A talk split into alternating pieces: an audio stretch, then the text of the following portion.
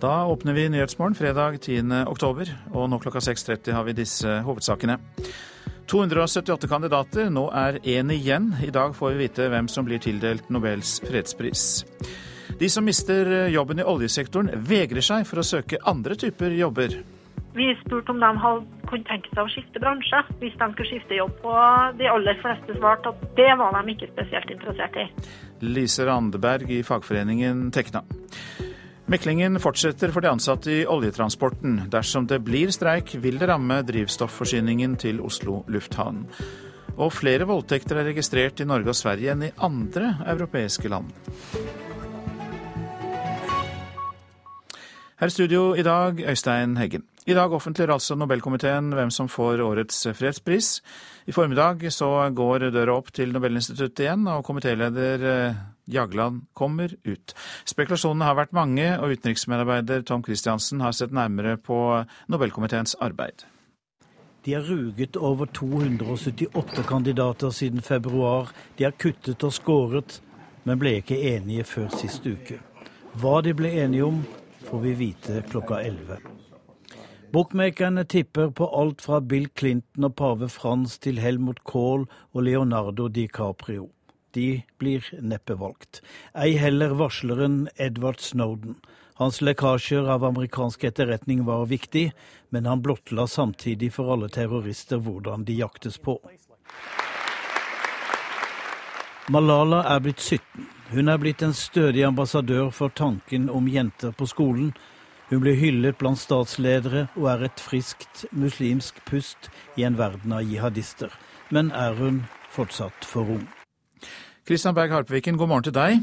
God morgen. Du er Fredsforskningsinstituttets leder og lager din egen liste over hvem du tror kan få Nobels fredspris. Og La oss gripe fatt i dette siste. Kanskje 17-åringen fra Svartdalen i Pakistan er en aktuell kandidat?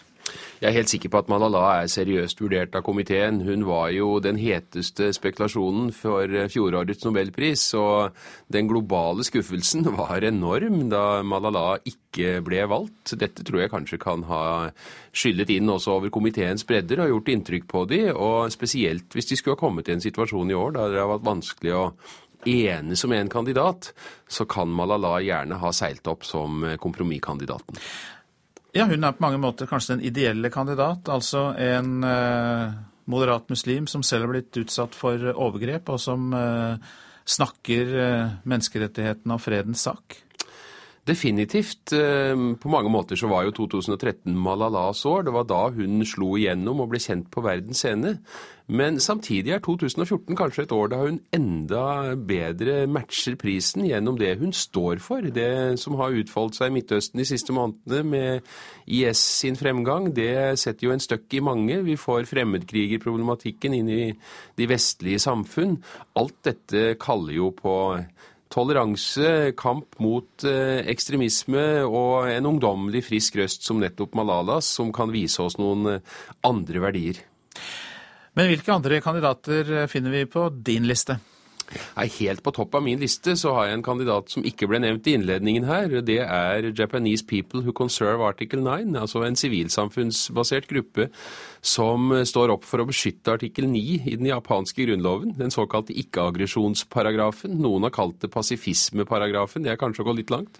Men dette har ligget til grunn siden annen verdenskrig for at Japan ikke har utstyrt seg med konvensjonelt forsvar, og ikke på noen måte har hatt forsvar som kan operere offensivt. Nå er denne paragrafen truet. Statsminister Abe har eh, tatt til orde for, eh, for, en nyfortolkning. Han har ikke så langt tort å utfordre parlamentet, men allerede så har Japan redefinert dette og er nå innstilt på å delta i kollektivt selvforsvar. altså forsvare sine allierte om de skulle bli angrepet. Så dette er viktig for freden i eh, Øst-Asia.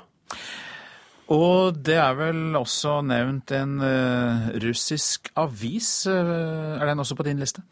Novaja Gazeta har uh, vært på min liste i, i, hele år. Og det som skjer i Russland, det er jo veldig alvorlig når det gjelder menneskerettigheter, ytringsfrihet, demokrati.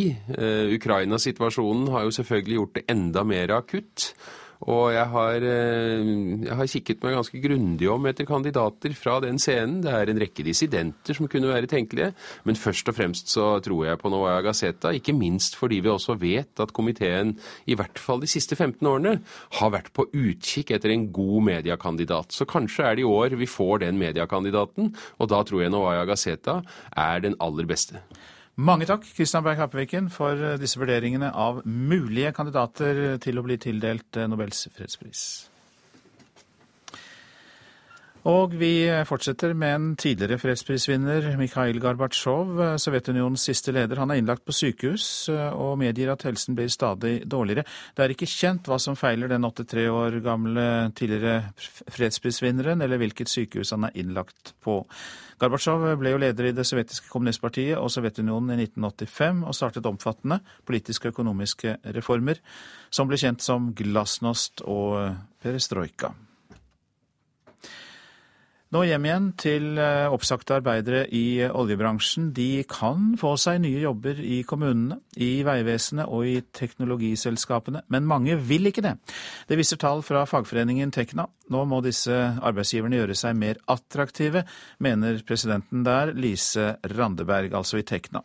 Hun sier det er utallige muligheter for oljeingeniører, også innen romfart.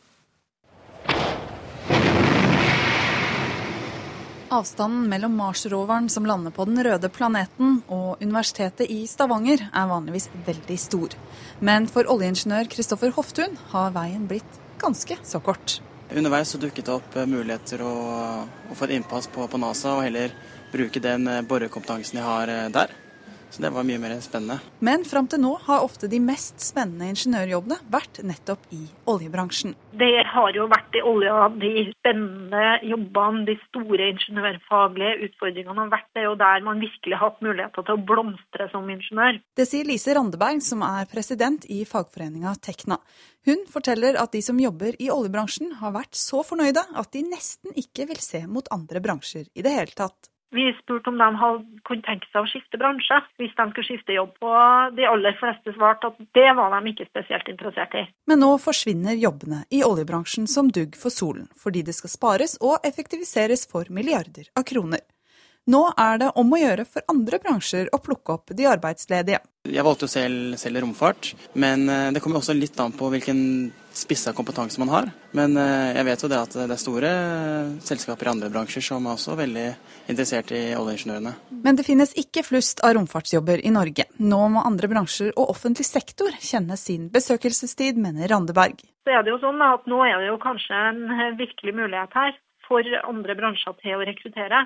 Og der trenges det arbeidskraft. Så nå er det jo litt opp til offentlig sektor å være på banen og skape innovative miljøer der ingeniører kan trives. Selv om andre bransjer og offentlig sektor ikke har frista før, kan det være en del av de oppsagte allerede har blitt absorbert nettopp her. Det sier Johannes Sørbø i Nav. Flertallet får nok eh, ganske raskt jobb i, andre bransjer. det gjør de. Dette er kompetanse som, som, er etterspurt i flere bransjer. Vi har jo fortsatt en veldig lav arbeidsledighet i Norge når vi sammenligner med andre, andre land. og Selv om vi tror at ledigheten kanskje vil øke litt det neste året, så, så vil den holde seg veldig lav. Jeg vet det er flere som, som synes det er tøft.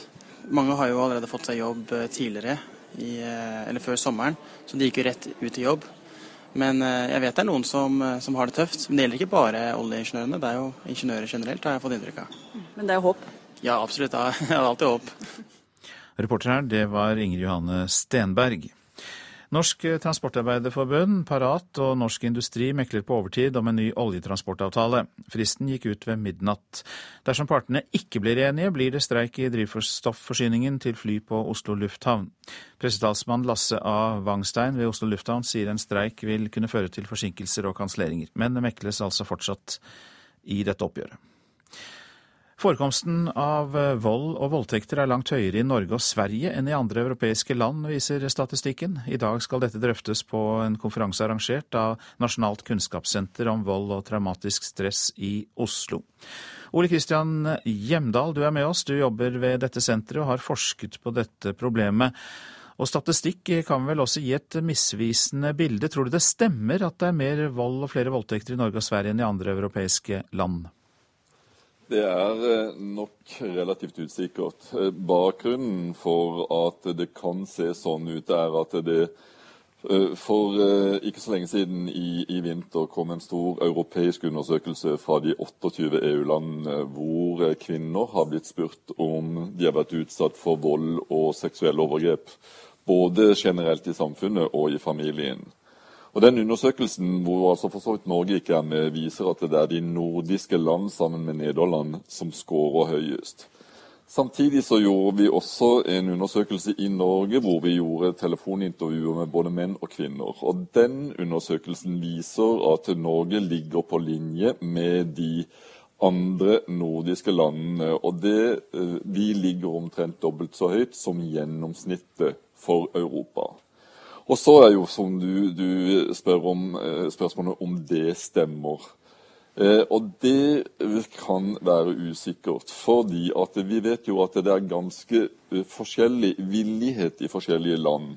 Avhengig av hvor man står kulturelt, hva slags erfaringer man har når det gjelder vold og overgrep, i viljen til å fortelle om det.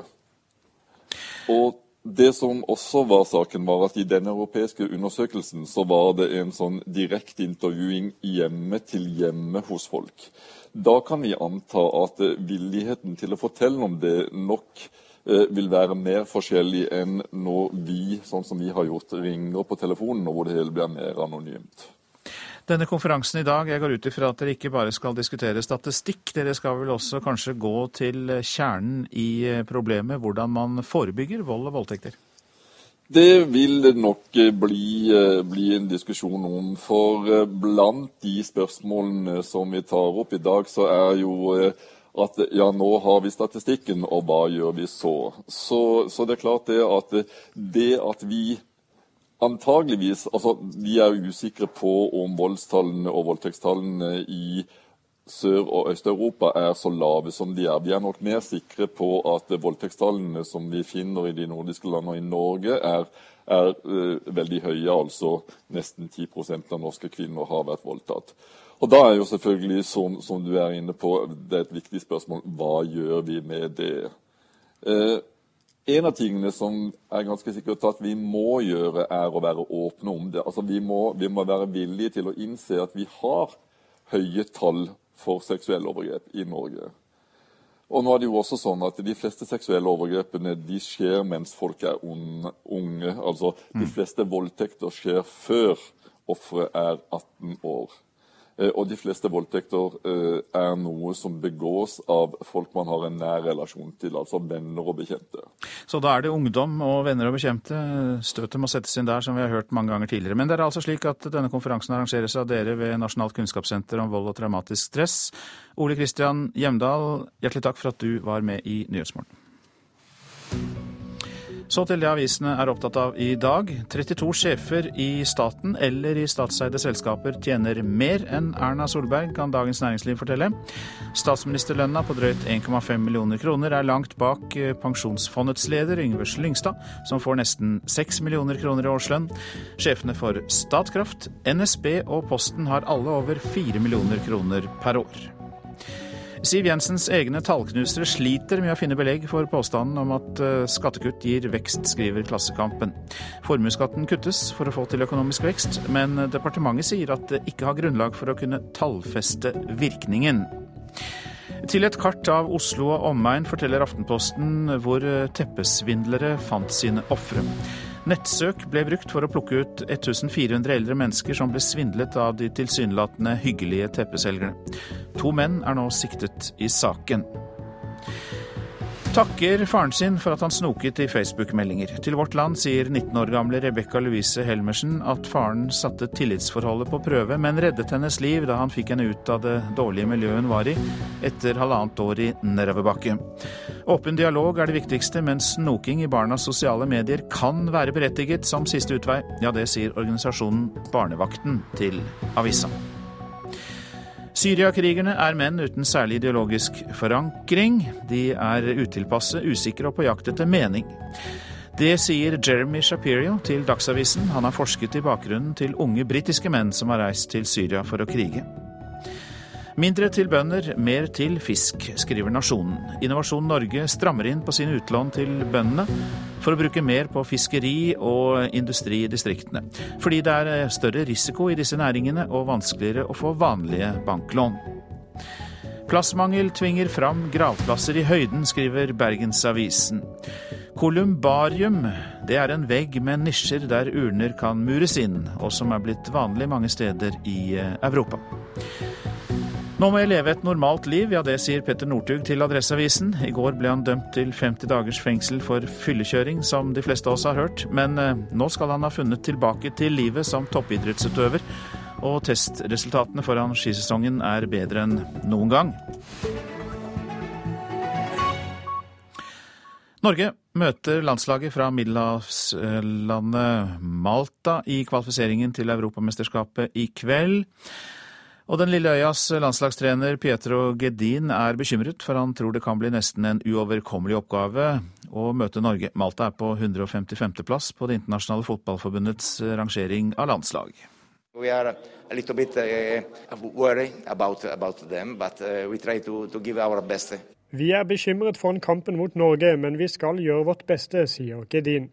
Malta har tapt ti av sine tolv siste kamper, og er et lag Norge bør slå. Og det vet Gedin også. Jeg har sett mange av Norges kamper, og de er det beste laget. En hard nødt å knekke.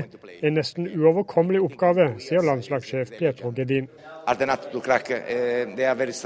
Selv om Norges landslagssjef Per-Mathias Høgmo gjentatte ganger sier at det er ingen dårlige motstandere i Europa lenger, så mener han at Malta har god grunn til å frykte Norge. Ja, det er jo et lag vi skal slå. Det, det, det skal vi.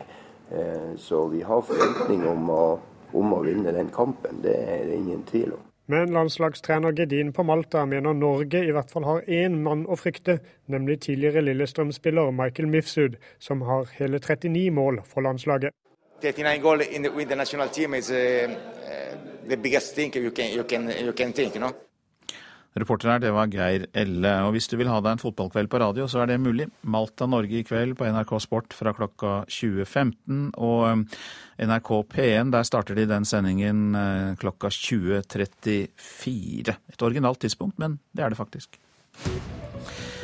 Nå er klokka i hvert fall 6.47, uh, og vi har disse hovedsakene. Kommuner bør kjenne sin besøkelsestid og sikre seg ingeniører som mister jobben i oljebransjen. Det mener både ingeniørenes fagforeninger og Nav. Meklingen fortsetter for arbeiderne innenfor oljetransporten. Dersom partene ikke blir enige, blir det streik i drivstofforsyningen til fly på Oslo lufthavn. Og det kan bli opp til KrF å redde Rock City, det nasjonale senteret for pop og rock i Namsos. Mer om det snart. Alkoholprisene justeres opp i neste neste år, kan vi lese i forslaget til statsbudsjett. Fremskrittspartiet har jo i flere år kjempet for billigere alkohol, men med partiet i regjering så skjer det motsatte. Og grensehandelen fortsetter, viser denne reportasjen om harryhandlere fra Hedmark. Det er hamstret i elgjakta. Og hva er det du har oppi her? Det er brus. Det er bare brus, jaktsekk og litt godis. Ja, Og litt Jegermeister? Ja, eller må ha en jegerdram. Ja. Det er ikke til å legge skjul på at billigere alkohol enn i Norge trekker nordmenn over grensa til Sverige hver eneste dag. Sammen med billigere matvarer og tobakk er alkohol en av grunnene til at nordmenn tar seg en kjøretur til f.eks. Charlottenberg, hvor vi treffer elgjegerne Kai Fjellvang og Terje Risøen, som for anledningen fyller opp til elgjakta. Godis nå, og litt koteletter. Litt brus. Hva er dette for noe? Det er likør. Fint i kaffen. I forslaget til statsbudsjettet som ble lagt frem på onsdag, er det foreslått at alkoholavgiften indeksreguleres med 2,1% på vin og 2,3% på brennevin. Det betyr enkelt sagt at prisene på alkohol blir høyere. Stikk i strid med hva Fremskrittspartiet gikk til valg med. En kamel å svelge, innrømmer stortingsrepresentant for Frp Hedmark, Tor André Johnsen. Som en eh, god gammel Frp-er så er jeg ikke glad i avgifter i det hele tatt, og enda mindre glad i at det blir en en inflasjonsjustering. Men eh, det er en erkjennelse av virkeligheten. Vi er en mindretallsregjering, og vi har i plattformen vår en avtale med KrF om at alkoholpolitikken skal ligge fast. Fremskrittspartiet har lenge ønsket at det skal bli mindre grensehandel, og ment at billigere alkohol og tobakk her i Norge er viktig for å få til dette. Men nå går altså alkoholprisene opp. I tillegg økte regjeringen vinkvota man kan ta med seg inn i landet med én flaske dersom man ikke kjøper tobakk tidligere i år. Men Johnsen har ikke tro på at en flaske vin fra eller til fører til at grensehandelen øker. Det er jo totalt prisbilde som er viktig. og Du ser jo de oppslagene som media lager. Hva koster en handlekurv i Sverige og hva koster i Norge? Så får du kronekursen i tillegg, pluss at Sverige er jo et land med lavere kostnader enn Norge. Der lager du lønninger òg, så det gjenspeiler jo prisnivå sånn sett. Og Der ønsker jeg Tor André Johnsen velkommen etter, for det har jo ikke vært hans beskrivelse av dette før. Det har jo vært alkohol og tobakk som har vært de store Tor lokkevarene. Sier Knut Storberget i Arbeiderpartiet. Han er glad for at alkoholavgiftene ikke går ned, men mener at Fremskrittspartiet ikke holder det de lover. Nei, Jeg registrerer at en av de viktigste sakene, og som vi ofte ble møtt med fra Fremskrittspartiet sin side, det er nå tydeligvis ikke så viktig lenger. Eh, jeg tror det er riktig og fornuftig eh, å ha alkoholavgifter på det nivået vi har i dag. Så Sånn sett er jeg glad for det. Eh, men jeg registrerer jo at et valgløfte soleklart sådan fra Fremskrittspartiet er lagt bort.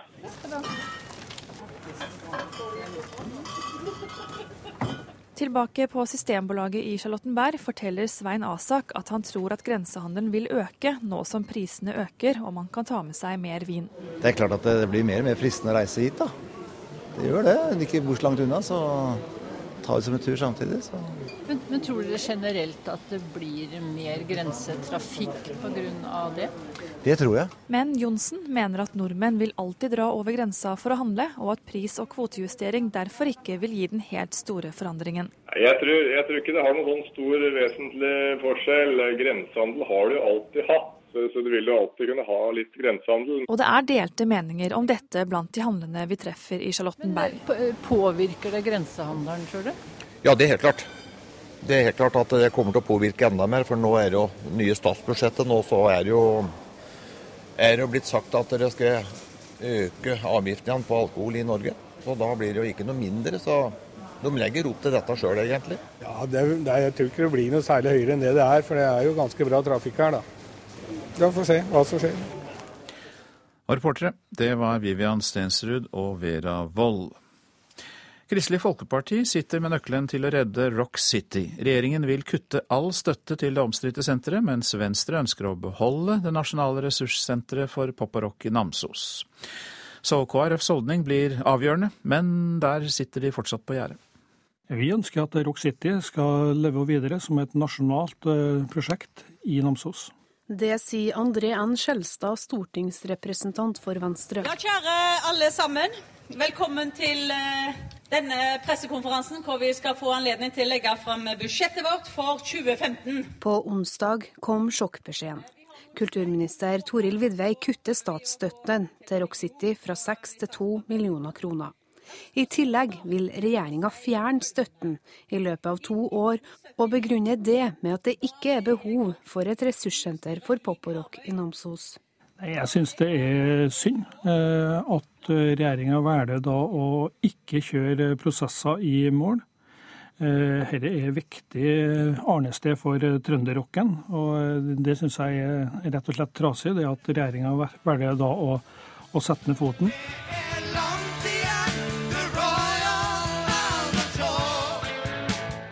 Da senteret åpna i 2011, sto Prudence på samme scene igjen. Og det ble en festdag med flere toppolitikere til stede. Den todelte løsningen med ett senter i Trondheim og ett i Namsos ble banka igjennom av Arbeiderpartiet. Til tross for sin unge alder har senteret i Namsos opplevd det meste som kan gå galt. Økonomisk rot, personalkonflikt, og de har ennå ikke klart å bli det ressurssenteret staten ba om. Likevel ønsker nå Venstre å berge Rock City. Det er viktig i forhold til den folkelige kultur, eh, og Venstre har bestandig vært et kulturparti, og er det. Fra Venstre så vil vi definitivt kjempe videre for å prøve å, å holde liv til eh, det nasjonale prosjektet i Rock City i Namsos. Men for å få til det trenger de hjelp av Kristelig Folkeparti når de setter seg ved forhandlingsbordet sammen med Høyre og Frp. Men KrF har ikke bestemt seg. Vi har ennå ikke tatt stilling til sånne enkeltsaker i budsjettet. Det sier Geir Jørgen Bekkevold, kulturpolitisk talsperson i KrF. Hvis KrF støtter Venstre, kan det være nok til å redde Rock City fra en snarlig nedleggelse? Vi eh, som kultur, kulturpolitikere på Stortinget, vi må, eh, vi, må, vi må være mer opptatt av helheten, og ikke bruke enkeltprosjekter som forhandlingskort. Og reporter her, det var Kaja Kristin Næss.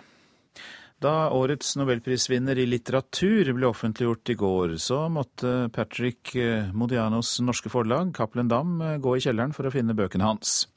Modianos bøker har ikke kommet ut på norsk siden 1980-tallet, men skal nå gis ut på nytt. NRK møtte nobelprisvinneren i Paris i går.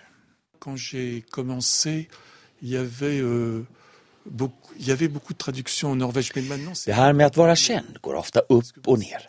Jag har ju varit med ända sedan slutet av 1960-talet och på den tiden var det många av mina böcker som översattes till norska. Däremot vet jag inte varför de så sällan översätts idag. Patrick Modiano har svårt att hitta orden. På bara några timmar har hans verklighet förändrats. När jag som första journalist i världen efter tillkännagivandet få tag på honom i bokförlaget Gallimards legendariska lokaler i Paris så passar jag förstås på att fråga mer om kommande norska översättningar av hans böcker. Det vore förstås roligt, säger Modiano, för Norge är ett land jag värdesätter högt. Inte minst uppskattar jag norsk litteratur, som Ibsen och flera av dagens moderna norska författare, säger han, utan att nämna några andra namn.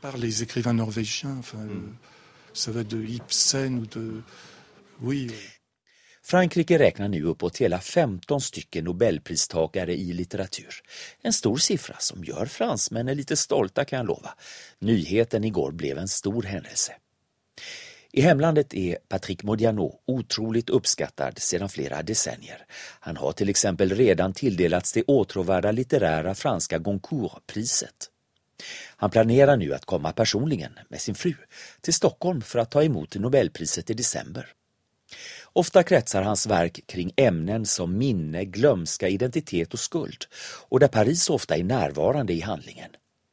Den svenska Nobelakademin har givit priset med den mycket gripande motiveringen för den minneskonst varmed han frammanat de ogripbaraste levnadsöden och avtäckt ockupationsårens livsvärd.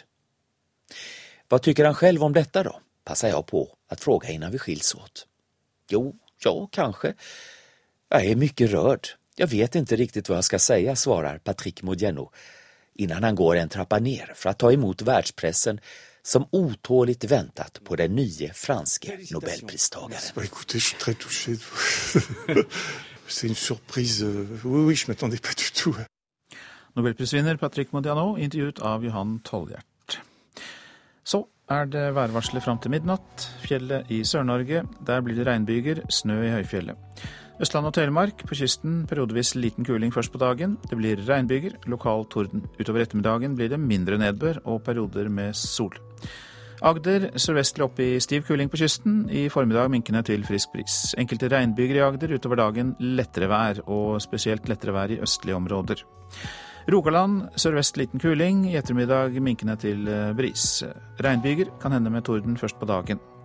Hordaland får sørlig liten kuling, i formiddag dreier den sørvest, og det blir eh, regnbyger, kan hende med torden først på dagen. Sogn og Fjordane, det blir liten kuling på kysten også der. Det blir regnbyger, kan hende med torden først på dagen. Møre og Romsdal stort sett opphold, og i kveld kan det bli litt regn på Sunnmøre. Så går vi til Trøndelag. Øst og sørøst stiv kuling. I formiddag minking til frisk bris. Det blir litt regn i indre strøk av Trøndelag, men ellers stort sett opphold. Så Nordland enkelte regnbyger på Helgeland, ellers pent vær. Troms i nord liten kuling utsatte steder. Pent vær i grensetraktene noe mer skyet. Finnmark i vest sørlig liten kuling utsatte steder. I øst og på vidda delvis skyet oppholdsvær, ellers pent vær. Nordensjøland på Spitsbergen enkelte snøbyger først på dagen, ellers for det meste skyet opphold. Og så temperaturer klokka fem. Svalbard lufthavn minus to, Kirkenes null, Vardø to grader. Alta og Tromsø-Langnes Tromsø-Langnes begge én grad. Bodø og Brønnøysund seks grader. Trondheim-Værnes åtte. Molde ni. Bergen-Flesland elleve. Stavanger og Kristiansand-Kjevik tolv. Gardermoen åtte. Lillehammer ni. Røros fem Og Oslo-Blindern hadde ti grader da klokka var fem i natt.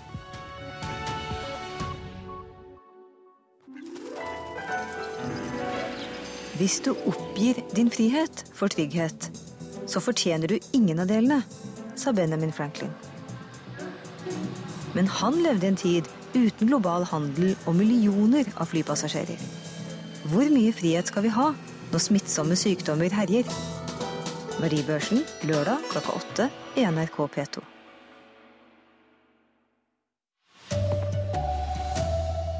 Spekulasjonene florerer, men i dag får vi vite hvem som er tildelt Nobels fredspris.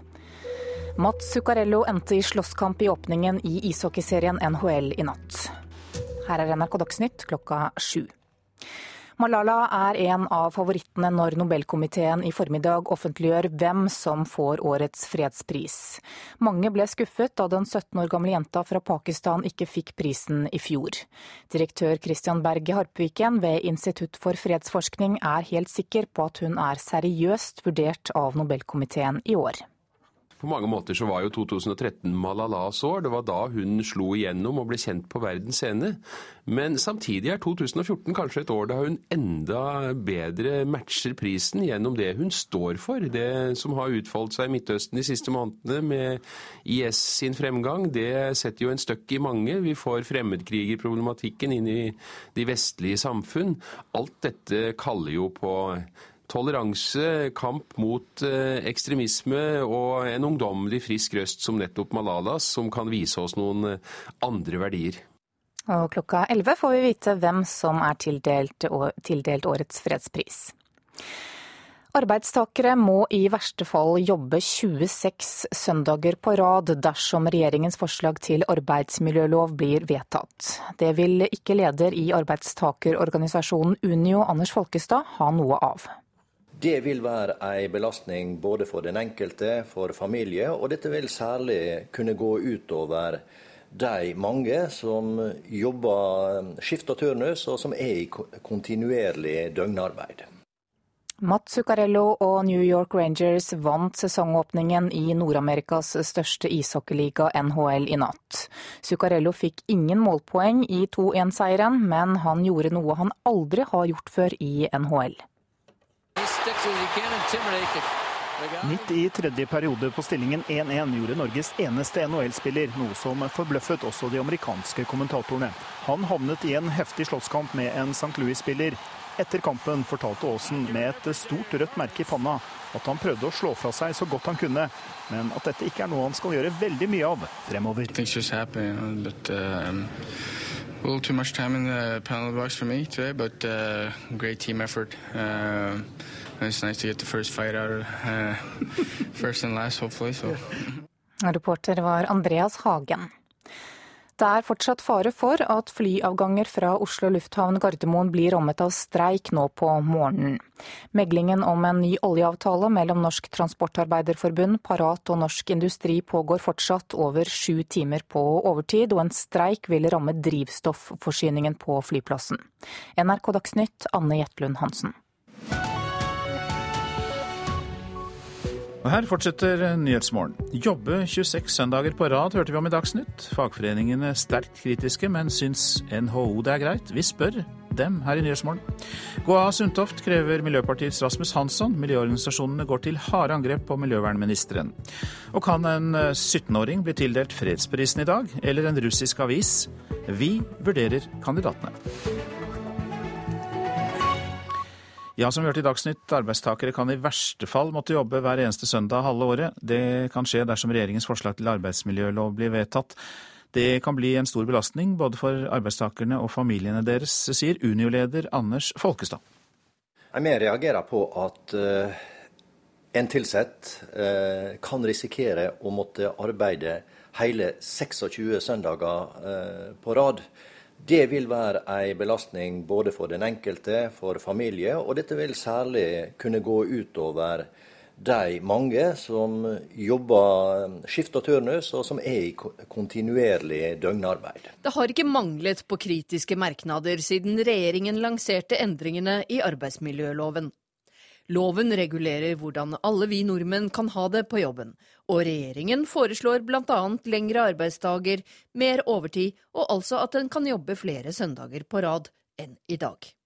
I går gikk høringsfristen ut for forslagene statssekretær Christian Dahlberg Hauge i Arbeids- og sosialdepartementet mener er gode, både for arbeidsgiver og arbeidstaker. Altså I det forslaget vi har sendt på høring, så er det sånn at arbeidsgiver ikke kan pålegge mer søndagsarbeid enn i dag. Men det vi har foreslått er der arbeidsgiver og arbeidstaker er enig, så kan man fordele en mer fleksibel fordeling av hvilke søndager man velger å jobbe. Det handler om å gi mer fleksibilitet også til arbeidstakere, slik at man kan eh, tilpasse dette til egen livssituasjon.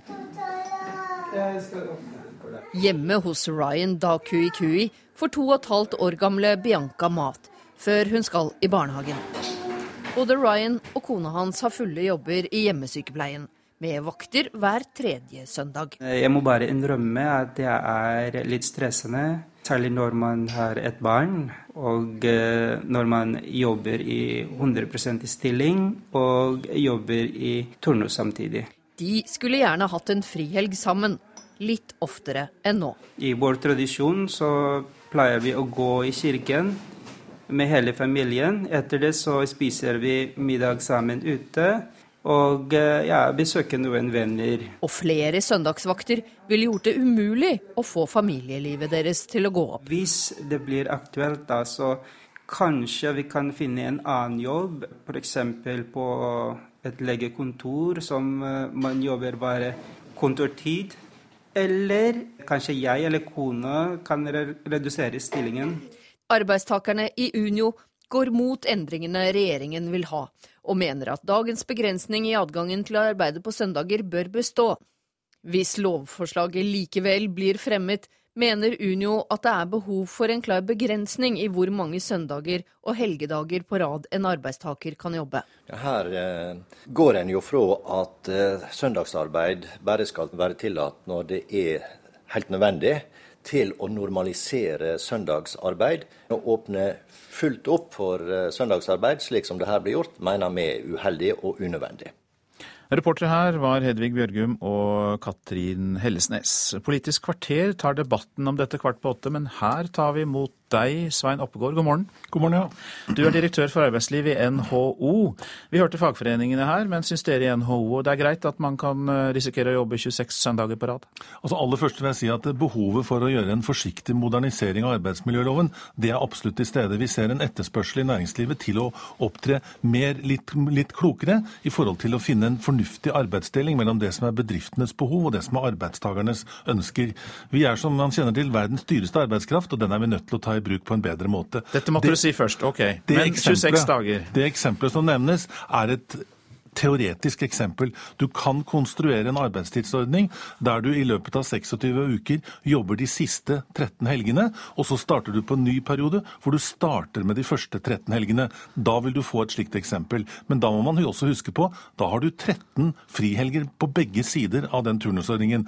Det er et teoretisk eksempel. Jeg tror ikke noen arbeidsgiver og arbeidstakere blir enige om en slik ordning, for det er fortsatt slik at denne avtalen må inngås skriftlig mellom arbeidstaker og arbeidsgiver arbeidsgiver. Så du sier altså at ingen arbeidsgiver kan gå inn for å utnytte dette?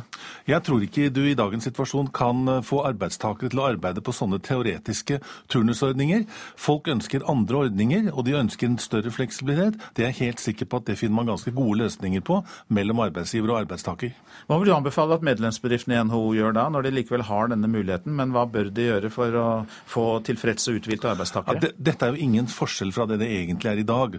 Og Hovedregelen er fortsatt at du, du skal ha fri annenhver helg når du jobber. Men ved en spesiell gjennomsnittlig arbeidstidsordning så kan man altså inngå slike avtaler. Det kan tenkes at det er fornuftig over visse perioder, og så har man lengre friperioder og mange frihelger etter hverandre i andre perioder. Så vår erfaring er at dette har man alltid funnet gode løsninger på. Det vil man også finne gode løsninger til den nye forslaget, som vi mener som sagt er en veldig forsiktig modernisering av loven, nettopp for å møte arbeidstakernes behov og bedriftenes krav til arbeidstid. Så et mer overordnet spørsmål, men viktig nok. Kvalitetsforringelse av samfunnet, kan det bli resultatet at denne hviledagen blir mer og mer lik en vanlig arbeidsdag? Nei, jeg tror veldig store deler av arbeids- og næringslivet arbeider jo i dag på helligdager. Vi har et samfunn som på en måte er nødt til å fungere også i helligdagene. Vi har store grupper som arbeider innenfor transportsektoren, innenfor helse- og omsorgssektoren. Men det De blir mer av det? Det blir mer av det? Nei, jeg tror ikke det blir mer av det, men jeg tror det blir mye lettere for den enkelte ansatt å finne ordninger hvor de kan sammen med arbeidsgiver finne ut tidspunkt hvor det er mer hensiktsmessig å jobbe. Og det gjelder for veldig mange grupper som ønsker å jobbe ikke en 9-4-jobb hver uke, men som ønsker større fleksibilitet. Vi trenger hver eneste hånd i norsk arbeidsliv, og da må vi også gi den muligheten til de ansatte. Takk skal du ha, Svein Oppegård, som er direktør for arbeidsliv i NHO. I dag offentliggjør Nobelkomiteen hvem som får årets nobelpris, fredspris altså. I formiddag går døra opp til Nobelinstituttet, og komitéleder Torbjørn Jagland kommer ut. Spekulasjonene har vært mange, og utenriksmedarbeider Tom Christiansen han har sett nærmere på Nobelkomiteens arbeid. De har ruget over 278 kandidater siden februar. De har kuttet og skåret, men ble ikke enige før sist uke. Hva de ble enige om, får vi vite klokka 11. Bookmakerne tipper på alt fra Bill Clinton og pave Frans til Helmut Kohl og Leonardo DiCaprio. De blir neppe valgt. Ei heller varsleren Edward Snowden. Hans lekkasjer av amerikansk etterretning var viktig, men han blottla samtidig for alle terrorister hvordan de jaktes på. Malala er blitt 17. Hun er blitt en stødig ambassadør for tanken om jenter på skolen. Hun ble hyllet blant statsledere og er et friskt muslimsk pust i en verden av jihadister. Men er hun fortsatt for ung? Den russiske avisen Novaja Gazeta er nominert for sin kritiske og uavhengige journalistikk. Den ble startet av tidligere journalister i Pravda sammen med Mikhail Gorbatsjov. Tunisia kan feire både en demokratisk grunnlov og fredelig sameksistens mellom islamister og sekulære. Det skal ikke minst fagbevegelsen ha æren for, og derfor er de nominert til fredsprisen. Det er gynekologen fra Kongo, Dennis Mukwege, som syr sammen de voldtattes ødelagte underliv. Sex er et våpen for å bryte ned fiendens kvinner. Mukwege har vist vei i kampen mot seksuell krigføring. Diskusjonene i Nobelkomiteen har dreid seg om hvilken vei til fred som i år skal belønnes.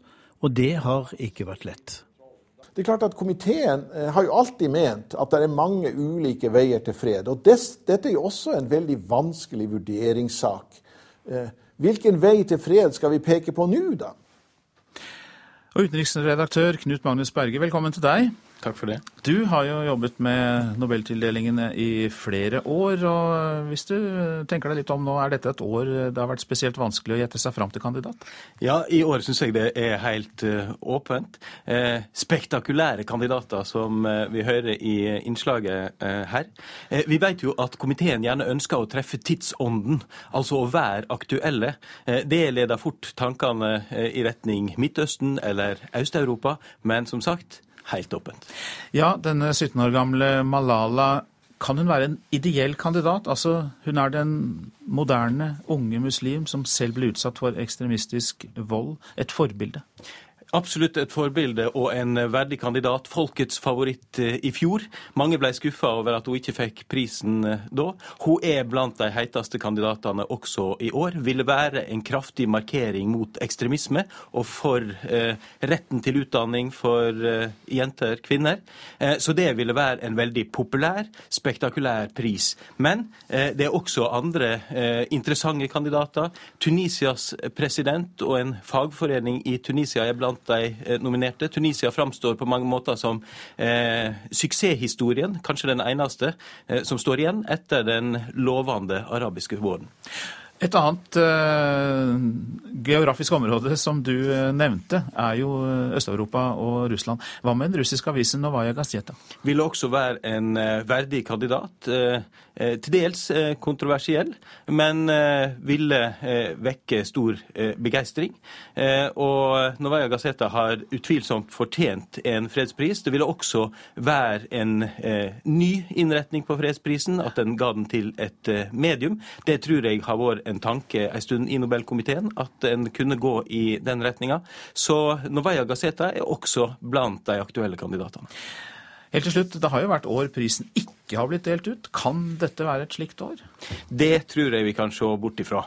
Eh, av alle spekulasjoner så eh, tror jeg jeg spekulerer trygt i at det blir en fredsprisvinner også i år. Klokka 11 får vi svaret, og i år er det virkelig spennende. Mange takk. Vi skal høre og se mer til deg i løpet av dagen. Utenriksredaktør Knut Magnus Berge. Dette er Nyhetsmorgen, og klokka den går mot eh, kvart over sju. Vi har disse hovedsakene. Jobbe 26 søndager på rad. Det kan bli følgen av regjeringens forslag til endringer i arbeidsmiljøloven. Kommunene bør kjenne sin besøkelsestid og sikre seg ingeniører som mister jobben i oljebransjen. Det mener både arbeidernes fagforeninger og Nav. Og eh, meklingen fortsetter for arbeiderne innenfor oljetransporten. Dersom partene ikke blir enige, blir det streik i drivstoffforsyningen til fly på Oslo lufthavn. Nå skal vi høre at en eh, samlet miljøbevegelse er skuffet over det de mener er en manglende klimaprofil i neste års statsbudsjett. Leder i Miljøpartiet De Grønne, Rasmus Hansson, eh, krever at miljøministeren må gå av. Det skriver han i en kronikk på nrk.no. Bellonas Fredrik Hauge støtter Hanssons kritikk, men eh, Hauge mener det er statsministeren selv som må ta ansvaret. Det er jo Erna Solberg som statsminister som skal vurdere dette. Det er lagt fram et statsbudsjett som strider med Stortingets klimaforlik. Og det er klart, det er vanskelig å ha tillit i Stortinget eh, når man ikke eh, respekterer det klimaforliket som er inngått. Og som fagstatsråd så har Sundtoft et stort ansvar for dette. Framleggelsen av statsbudsjettet tidligere denne uka har vakt sterke reaksjoner både hos regjeringens støttepartier Venstre og KrF, og hos miljøbevegelsen. I går krevde lederen i Miljøpartiet De Grønne, Rasmus Hansson, at miljøminister Tine Sundtoft går av, som følge av at han mener regjeringen ikke klarer å prioritere klimaarbeidet.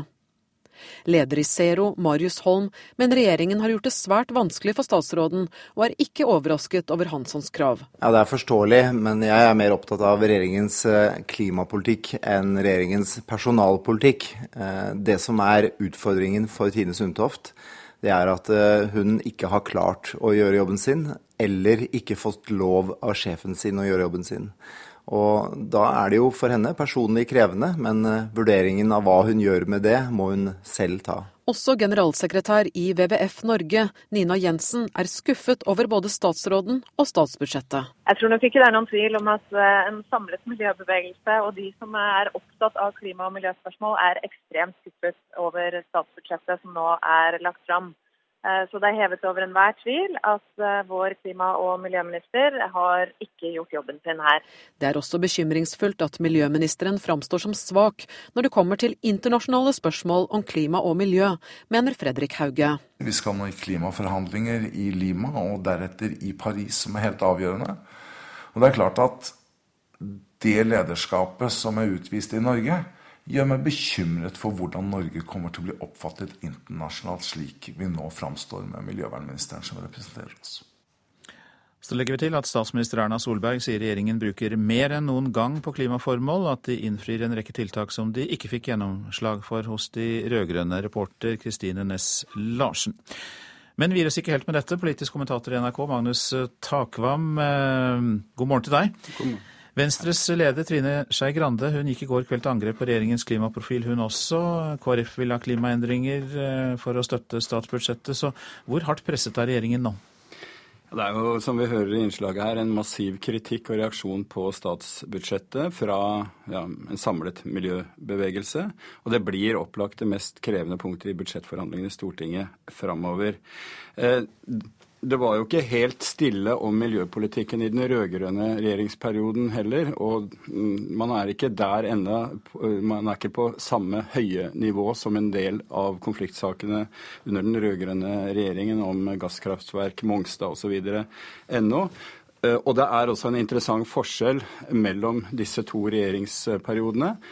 I den rød-grønne perioden var det et genuint miljøparti, SV, som satt i regjering. Nå er det en mindretallsregjering der det ikke er et genuint miljøparti i eh, regjering. Så presset nå er naturligvis fra samarbeidspartiene i Stortinget mot eh, mindretallsregjeringen. Og det opplevde vi også i debatten i NRK i går kveld, der fridde på en måte eh, Arbeiderpartiet og SV til sentrum og sa eh, vi har en bedre miljøpolitikk. Men da kunne jo de parere tilbake at vi er ikke så fornøyd med det som skjedde under deres regjering heller. Mm. Så er det klimaminister Tine Sundtoft som virkelig står i stormen nå. Eh, stortingsrepresentant Rasmus Hansson fra Miljøpartiet vil at hun skal gå av. Ja, hvor vanskelig jobb er det hun har egentlig? Nei, Hun har det veldig tøft. Vi legger jo merke til at kritikken tross alt fra både Hansson og resten av miljøbevegelsen retter seg mot regjeringen som sådan. Det er ikke først og fremst en kritikk der de mener at hun som person, eh, som enkeltstatsråd, har sviktet. Men likevel så er det klart at det budsjettet hun presenterte med et kutt, reelt kutt i fagdepartementet eh, sitt budsjett, og reaksjonene var veldig sterke på kutt i det klassiske naturvernet, frivillig skogvern f.eks., som er et, et forslag som Finansdepartementet tidligere har, har, måttet gi seg på. Da er det et signal om at en statsråd ikke får godt nok gjennomslag i, i regjeringen. Så det er klart at uh, hun også er under et uh, krevende press nå. En setning til slutt om hvilke muligheter det er for å få endringer i stortingsbehandlingen? Det må i hvert fall skje en del endringer. Eh, vi hørte Trine Skei Grande snakke om mer til kollektivtrafikk og, og, sånne ting. Det absolutt mest krevende punktet dreier seg om avgifter. Venstre vil ha snuoperasjon på det som berører miljøavgifter, bilavgifter osv. Et grønt skatteskifte. Der møter de Frp, og, og, det blir det mest krevende på miljøområdet i, i budsjettet. Nok av stoff seg med for kommentatorer og politikere. Takk skal du ha, politisk kommentator her i NRK, Magnus Takvam. Hongkongs myndigheter har avlyst planlagte samtaler med lederne for demonstrantene. Studentaktivistene oppfordrer da til ny demonstrasjon i Hongkong i kveld. Og demonstrasjonene har jo pågått i snart to uker. Aktivistene krever frie valg i 2017 uten innblanding fra Beijing. Og Derfor har vi med oss deg, Peter Svaar, vår korrespondent i Beijing. Og hvorfor blir det ikke noe av eh, møtene mellom demonstranter og myndigheter? Fordi avstanden har vært så stor mellom eh, byregjeringen i Hongkong og studentene at de eh, i en rekke formøter den siste uken ikke engang har blitt, greid å bli enige om tema for uh, hva de skal snakke om. Studentene ville kun snakke om sine to hovedkrav, at administrasjonsleder Long går av, og at det blir frie valg uh, i 2017, mens regjeringen på sin side vil diskutere justeringer i uh, de politiske reformene, som altså, har, som altså, er de reformene som har startet hele denne protestbevegelsen. Så etter å ha kranglet hele uken om dette, så endte studentene med at de likevel ville gjennomføre møtet for å fremføre sin protest. Dette ble igjen da kansellert i går av eh, administrasjonssjef eh, Carrie Lam fordi eh, regjeringen ikke ser at disse samtalene kan være konstruktive. Og de viser også til at studentene oppfordret til en punktmarkering utenfor bygget der samtalene skulle finne sted, og mente at det da var i strid med avtalen. Og Hvor sterkt står protestbevegelsen i Hongkong? Hvor representativ er de? I dag så oppfordrer studentene Hongkong-innbyggerne til å på nytt blokkere hver en centimeter av sentrum. Utvide blokaden til flere områder enn sist. Men denne bevegelsen står nå langt fra så sterkt som for to uker siden. De har sagt hele tiden at de er nærmest en bevegelse uten lederskap. Og baksiden av den medaljen er at eh, de nå også har interne splittelser. Og etter to ukers protester har de ikke maktet å beholde momentum. Det er nå bare de siste dagene noen hundre demonstranter igjen av de eh, nesten 100 000 som eh, var i gatene for en uke siden. Og en stor del av Hongkong-innbyggerne har også en veldig tynnslitt tålmodighet nå med blokkerte veier og tapte inntekter. Så det blir veldig spennende å se hvor mange de greier å mobilisere til den nye demonstrasjonen som er varslet i Hongkong i kveld. Helt til slutt, skriver kinesiske aviser noe om dette som skjer i Hongkong, Peter Svaar? Ja, om, eh, Protestene omtales også i kinesisk presse, men i svært begrenset utstrekning. Eh, det offisielle nyhetsbyrået her, Xinhua, har til nå skrevet tre telegrammer om eh, protestene, og alle bilder av de store folkemengdene i gatene har vært strengt forbudt å publisere, og blir også rensket fra sosiale medier. Eh, det som har blitt gitt en del oppmerksomhet her, er en eh, historie om at Occupy-bevegelsens ledere er finansiert av USA, og at disse protestene er del av et forsøk fra Vesten på å destabilisere og svekke Kina, og at målet med denne operasjonen da skal være å innsette en pro-vestlig leder i Hongkong. Takk for at du følger med på dette for oss, vår Asia-korrespondent eh, Peter Svaar.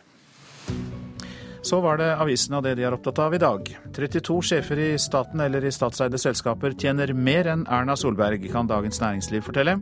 Statsministerlønna på drøyt 1,5 millioner kroner er så langt, eh, langt bak Pensjonsfondets leder Yngve Slyngstad, som får nesten 6 millioner kroner i årslønn. Sjefene for Statkraft, NSB og Posten har alle over 4 millioner kroner per år. Siv Jensens egne tallknusere sliter med å finne belegg for påstanden om at skattekutt gir vekst, skriver Klassekampen. Formuesskatten kuttes for å få økonomisk vekst, men departementet sier det ikke har grunnlag for å kunne tallfeste virkningen. Til et kart av Oslo og omegn forteller Aftenposten om hvor teppesvindlere fant sine ofre. Nettsøk ble brukt for å plukke ut 1400 eldre mennesker som ble svindlet av de tilsynelatende hyggelige teppeselgerne.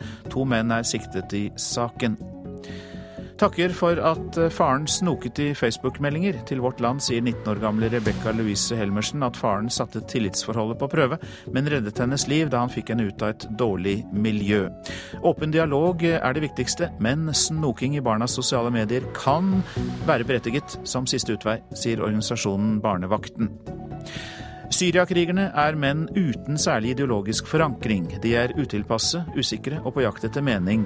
Det sier Jeremy Shepio til Dagsavisen. Han har forsket i bakgrunnen til unge britiske menn har reist, som har reist til Syria for å krige.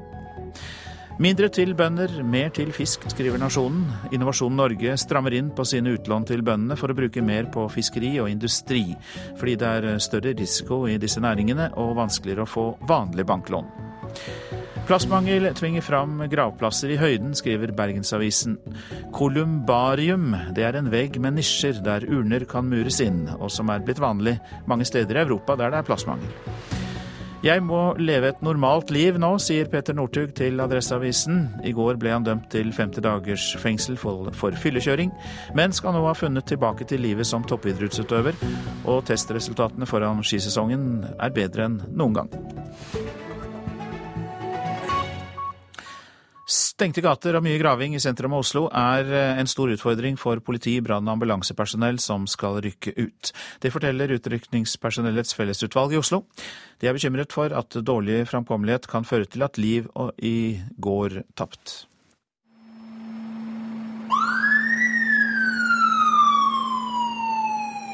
De er klare til å rykke ut når som helst. Men stengte gater og mye graving har den siste tiden vært problematisk for utrykningskjøretøyene i Oslo. Det det blir et stressmoment når eh, et tog av utrykningskjøretøy kommer inn i den gaten og ikke kommer frem og må begynne å snu og kjøre en annen alternativ vei. Da går minutter og sekundene veldig fort. Det sier Tom Løvskogen, leder for Utrykningspersonellets fellesutvalg i Oslo. Han representerer politi, brann- og ambulansepersonell. Årsaken til bekymringen er kommunens stengninger av mange og viktige gjennomfartsårer i hovedstaden. Altså Det som har vært et problem, det er en del sånne fysiske sperringer. Eh, hvor vi ikke kommer bort ifra trikketraseen.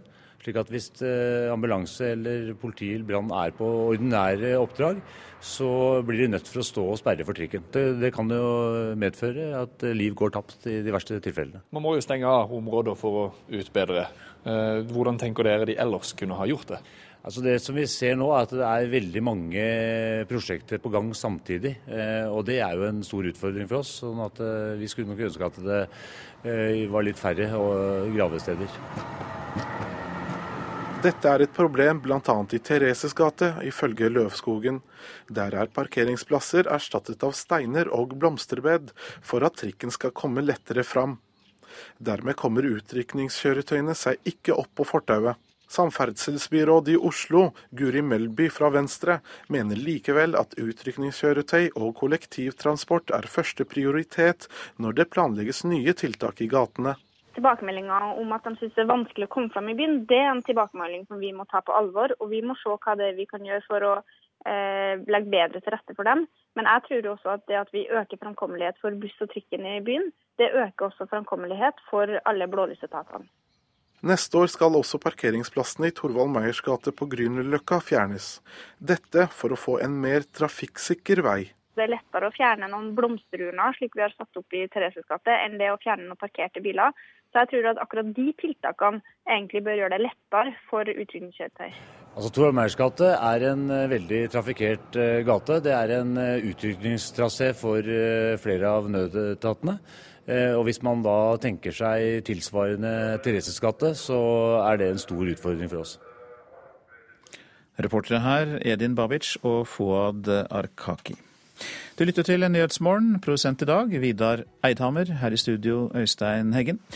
Og så nevner vi at i reportasjen etter Dagsnytt kan du høre om de 10 000 barna som ble hiv-smittet under kommuniststyret i Romania, og om hvordan noen av dem har det i dag. Og i Politisk kvarter, der er jobbing på søndager tema for debatten.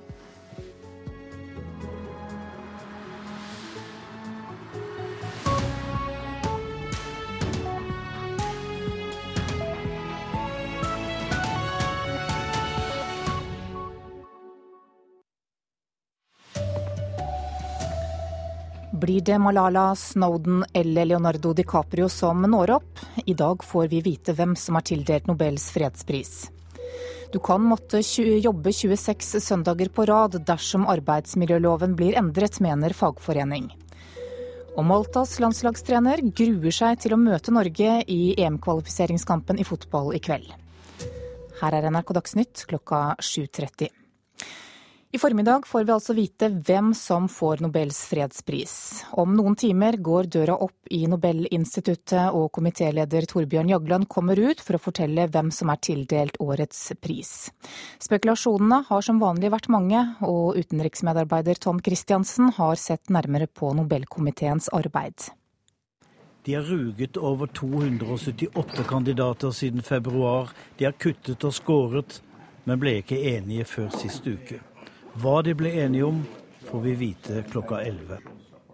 Bookmakerne tipper på alt fra Bill Clinton og pave Frans til Helmut Kohl og Leonardo DiCaprio.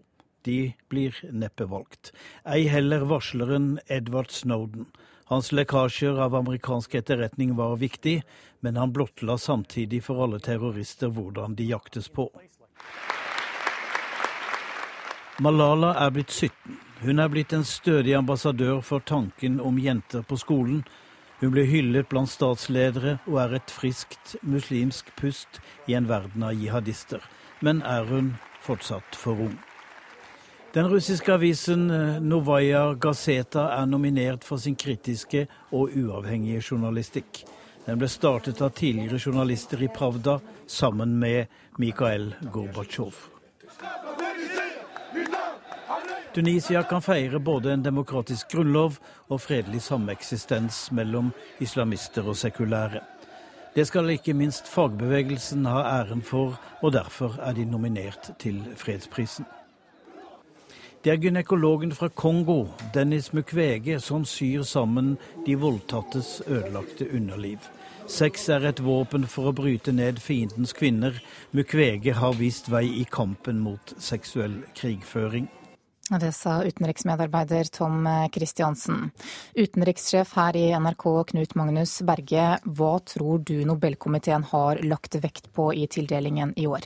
Jeg tror Nobelkomiteen også i år har lagt vekt på å treffe tidsånden. Altså være aktuelle, være i eh, nyhetsbildet. Eh, det er noe som leder tankene fort til Midtøsten eller Øst-Europa. Eh, men når det er sagt, i år har komiteen klart å holde korta veldig tett til brystet, så dette er veldig spennende og veldig åpent.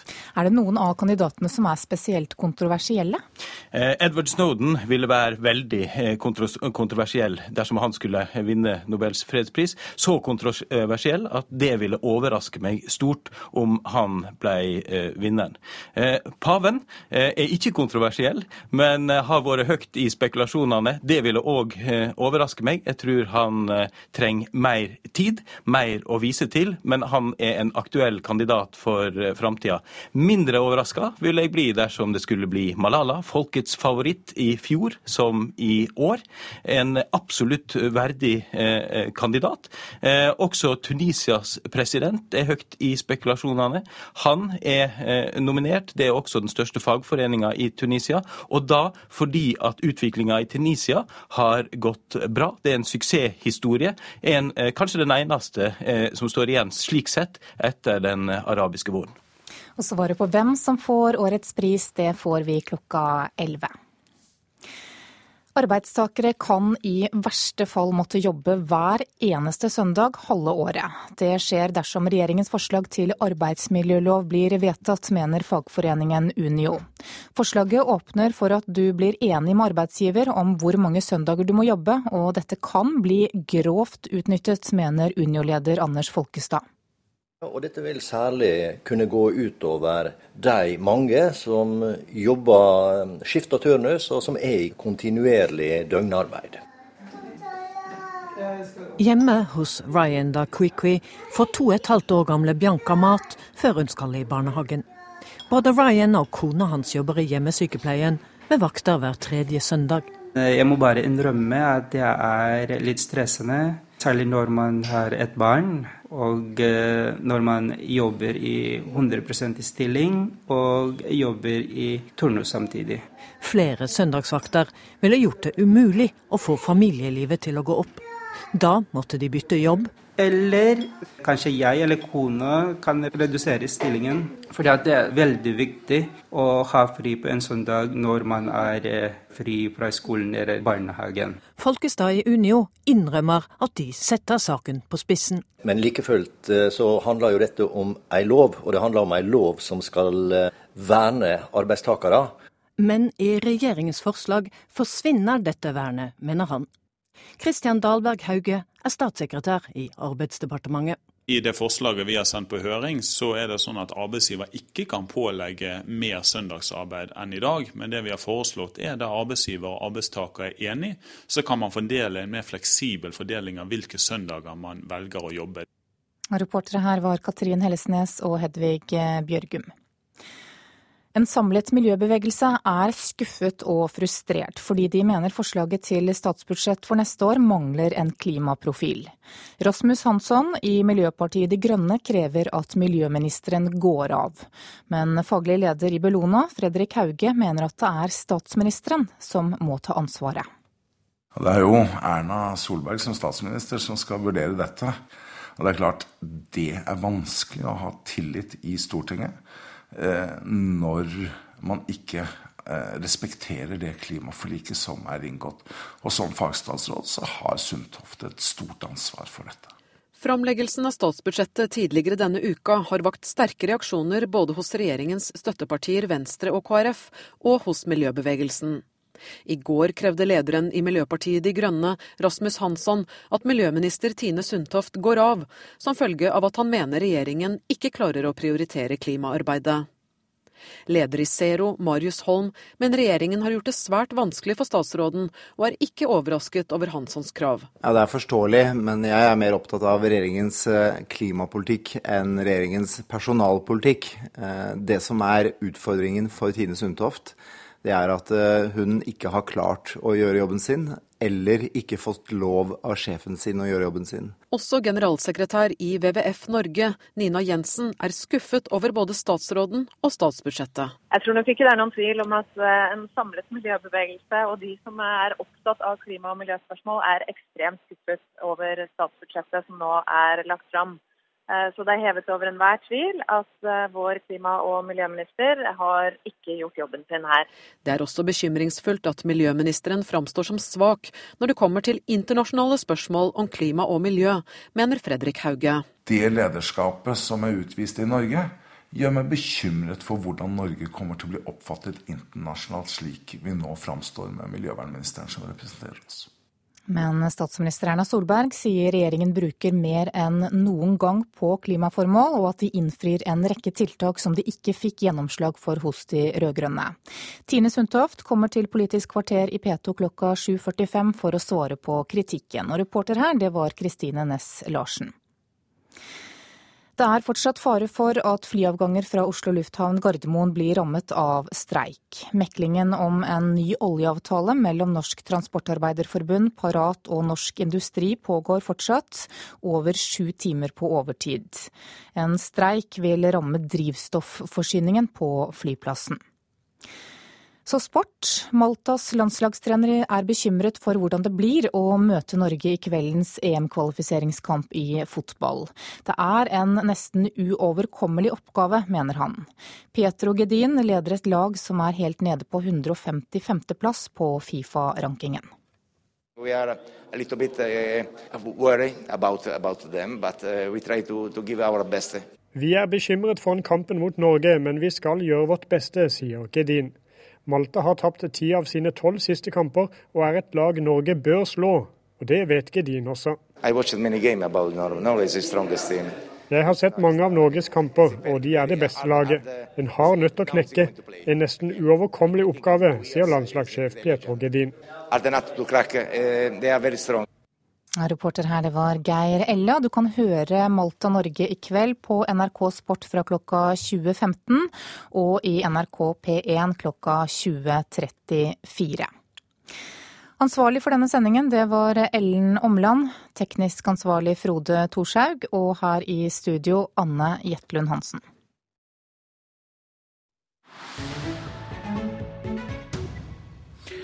Dette er Nyhetsmorgen. Under kommunismen ble Romania rammet av en hiv-katastrofe. Uhygieniske rutiner på sykehus førte til at over 10 000 barn ble smittet. 6000 av disse er fremdeles i live, men det er ikke så lett å leve med viruset i Romania, der hiv fortsatt er et tabubelagt tema. Roger Severin Brulland har laget denne reportasjen. In that night, uh, the busy with the nurse, and my mother considered that uh, she interrupted something. And the nurse came a little bit angry, and my mother simply didn't uh, saw if the needle was sterilized or not. Irena er et typisk tilfelle. Hun tror hun var smitta på et sykehus da hun var tre måneder gammel. Det var på slutten av kommunistregimet. Forholdene på sykehusene var elendige. Sykepleierne brukte samme sprøyta på flere pasienter. Og de gav blod som ikke var testa. Når regimet oppdaga hvor mange som var smitta, over 10 000 babyer, så skjulte de det. Derfor ble ikke Irena testa før hun var ti år gammel. Hun hadde fått en merkelig sykdom i halsen. Uh, uh, find out at that age. I found out at 11, um, 18 years old. She didn't tell you? No. Men mor mi fortalte meg ikke sanninga før jeg var 18 år gammel, forteller hun. Denne hiv-generasjonen er nå i midten av 20-åra. De er klar til å stifte familie. Og de får hjelp av styremaktene. Hiv-medisin er gratis i Romania.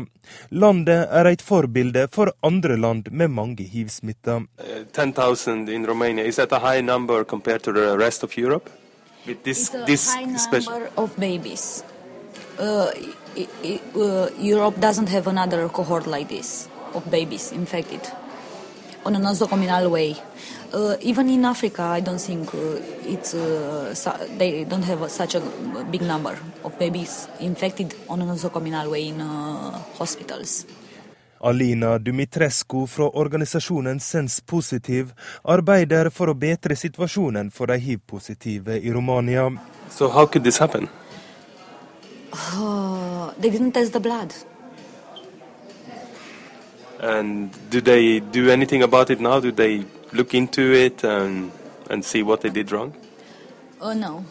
Dumitrescu mener styremaktene bør gi erstatning til hiv-borna. Men Irena forteller at saka hennes er forelda. After one or two years after I found out, and I found out at 18 years old, and it was too late. That was Too late to ran- Yeah, the response. It was too old, the, yeah. And they are not willing to do anything? No. Hiv er svært tabubelagt i Romania. Det er ei stor skam. De som har sykdommen, blir ofte utstøtt av venner og familie. Irena forteller hun er heldig. Hun har venner og familie som støtter henne. Men hun kvir seg på å fortelle alle vennene sine at hun er hiv-positiv. I don't want to tell my friends about me because I don't want to to be scared and think that they will lose her friend, their friend, and I don't want to um, mm, be hyperprotective with me or something like this. No. Dette er eh, hovedsakene i eh, Nyhetsmorgen. Jobbe 26 søndager på rad. Det kan bli følgen av regjeringens forslag til endringer i arbeidsmiljøloven. Gå av Sundtoft, krever Miljøpartiets Rasmus Hansson. Miljøorganisasjonene går til harde angrep på miljøvernministeren. Det er fortsatt fare for at Oslo lufthavn blir rammet av streik. Meglingen for arbeiderne som frakter drivstoff til flyplassen pågår fortsatt, mer enn sju timer på overtid. Så tar vi oss tid til å minne om nettstedet radio.nrk.no, der du kan høre alle NRKs radiokanaler, og du kan også laste ned tidligere sendte programmer. Men det programmet som sendes akkurat nå, det er Nyhetsmorgen, og vi gjør klar for Politisk kvarter, der programleder er Håvard Grønli.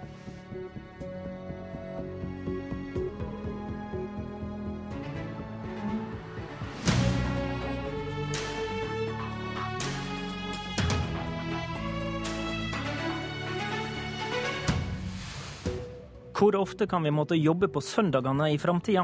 Unio frykter den nye arbeidsmiljølova og møter Høyre til debatt. Klima- og miljøministeren er i hardt vær. Hvor godt lever hun egentlig med sitt eget budsjett? Velkommen til Politisk kvarter. Miljørørsla og småpartier på Stortinget er ikke nådige i omtalen av miljøsatsinga i statsbudsjettet. Kritikken råker regjeringa, og særlig deg, klima- og miljøminister Tine Sundtoft. Velkommen hit. Takk, takk.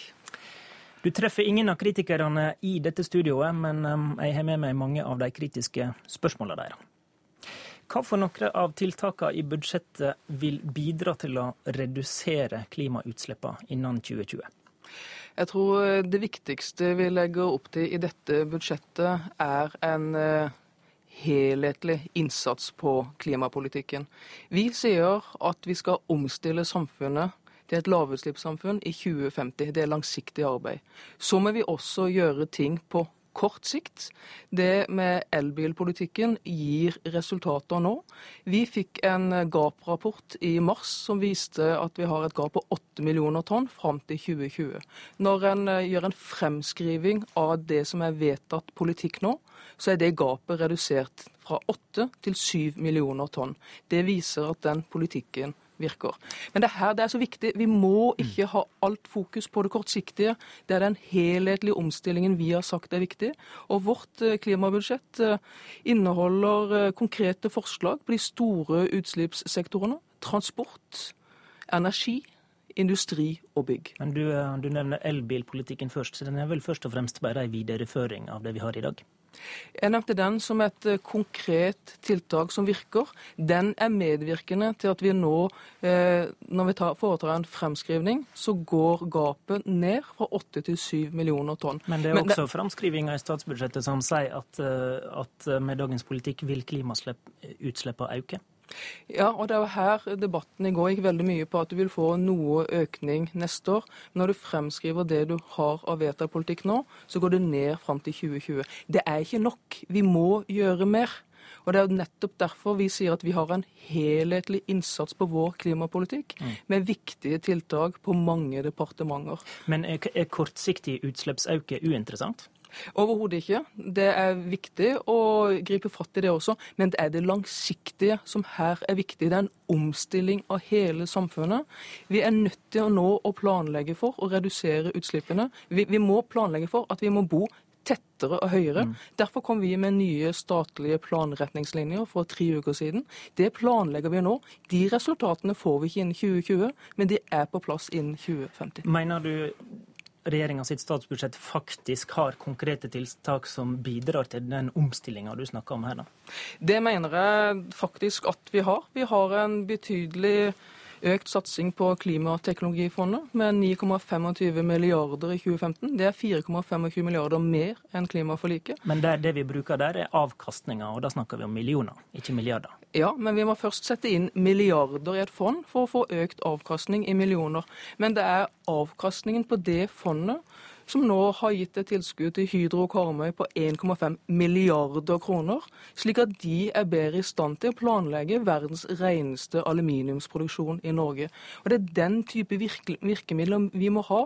Vi må forberede oss på at vi skal være mindre avhengig av olje og gass i dette landet. Vi skal leve av andre Samtidig så blir vi vel mer avhengig av oljemilliardene når du ser på den pengebruken som ligger i dette statsbudsjettet?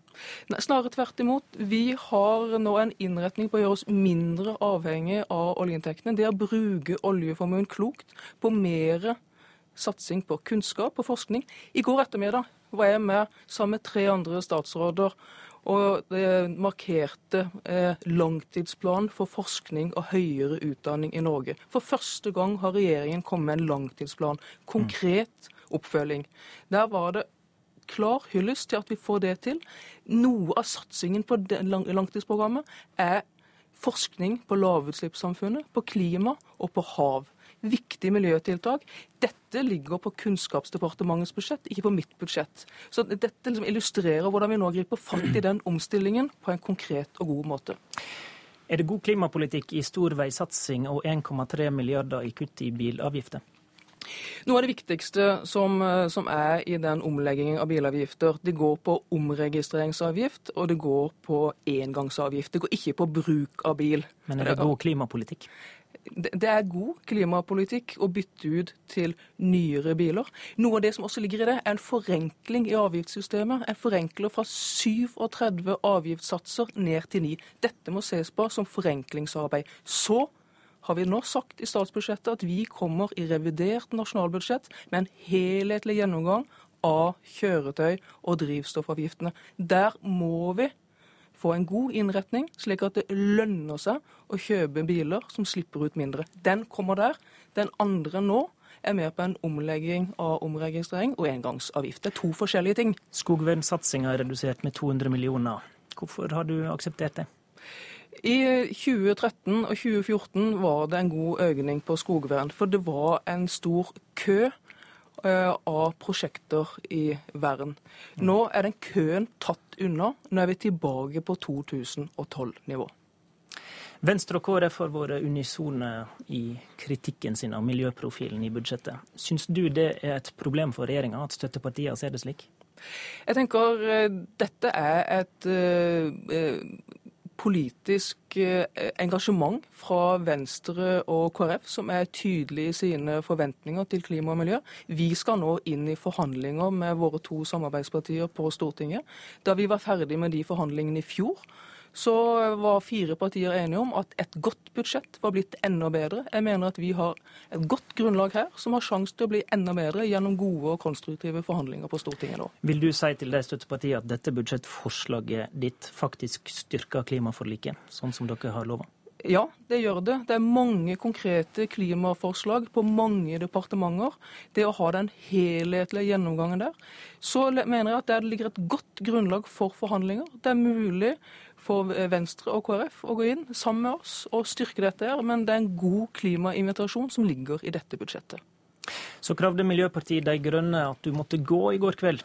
Nå er ikke det mye parlamentarisk makt i det partiet sin enmannsgruppe, men resonnementet er at uh, når det er kutt i dine områder, samtidig som at du ikke får ned utslippene, da kan ikke du leve med det. Hva svarer du? Jeg kan leve med at eh, fremskrivingen nå viser at vi er på riktig vei, og at vi her har et eh, helhetlig klimabudsjett med gode, konkrete tiltak på mange departementer. Vi er i gang med den omstillingen av lavutslippssamfunnet. Så lenge dette går i riktig retning, så tror jeg at vi skal fortsette det arbeidet. Men vi skal ha god forhandling sammen med Venstre og KrF nå. Takk for at du kom hit, klima- og miljøminister Tine Sundtoft.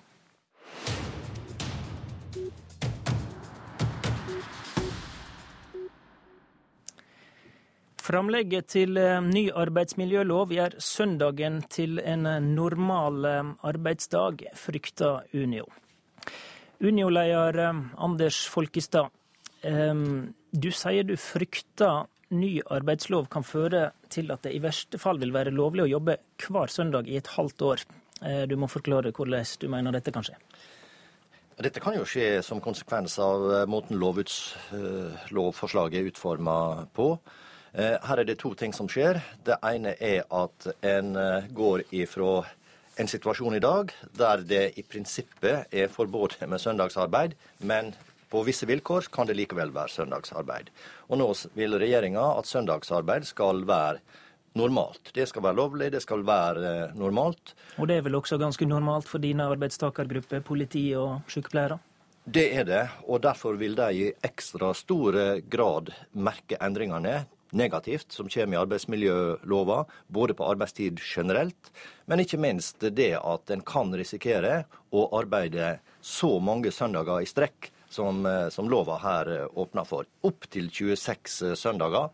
Nå er det jo sånn at jeg tror ikke det blir normal praksis, men eh, vi bør ikke ha en lov som eh, åpner for en slik eh, praksis i det hele. Nei, For de færreste arbeidsgivere vil vel ha behov for å bruke arbeidstakeren sin sånn?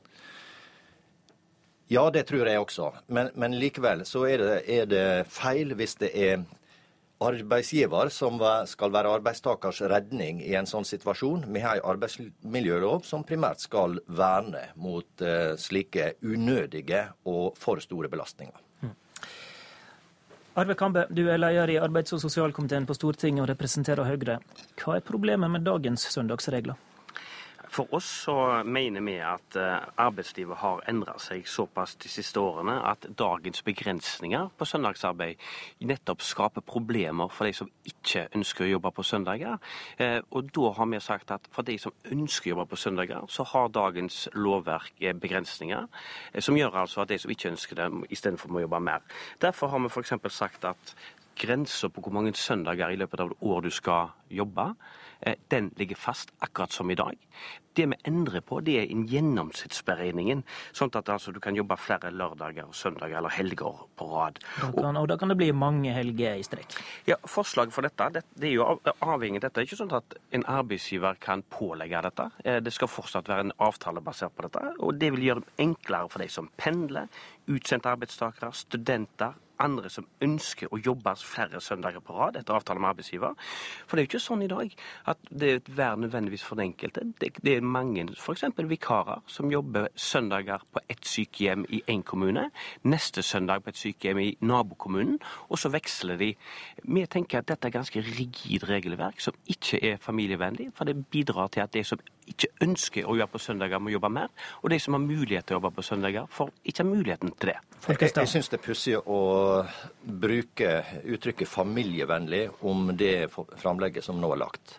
Eh, dette vil jo for, for et, et, par f.eks., der begge går i turnusordninga, så, så, vil jo dette her kunne føre til at en nesten aldri får søndagen som, eh, som fellesdag.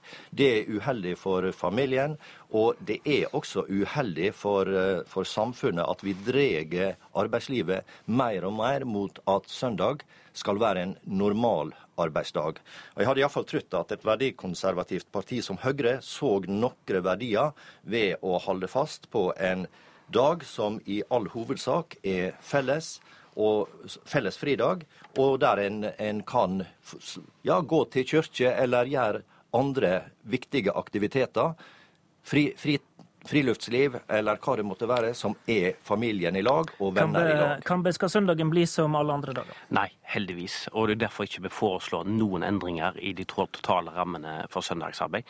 Dette handler om en gjennomsnittsberegning av den søndagsarbeidet man allikevel gjør i løpet av et år. Så jeg mener dette både er med på å styrke arbeidslivet, det er med på å gi fleksibilitet til de som ønsker å jobbe på søndager. Og så er det med å gi på en større fleksibilitet til de som ikke ønsker på søndager. For det er klart, da reduseres presset eh, på de alle sammen. Så jeg mener at summen av dette både svarer opp på de daglige utfordringene mange familier har. Det er mange som ønsker å bruke mer konsentrert på noen tidspunkter i løpet av en måned, mot å ha mer fri på andre tidspunkter av en måned. Det har vi også forslag i arbeidsmiljøloven på, som jeg trodde egentlig at Unio responderer mer på medlemmene sine interesser på, enn å bare være mot det.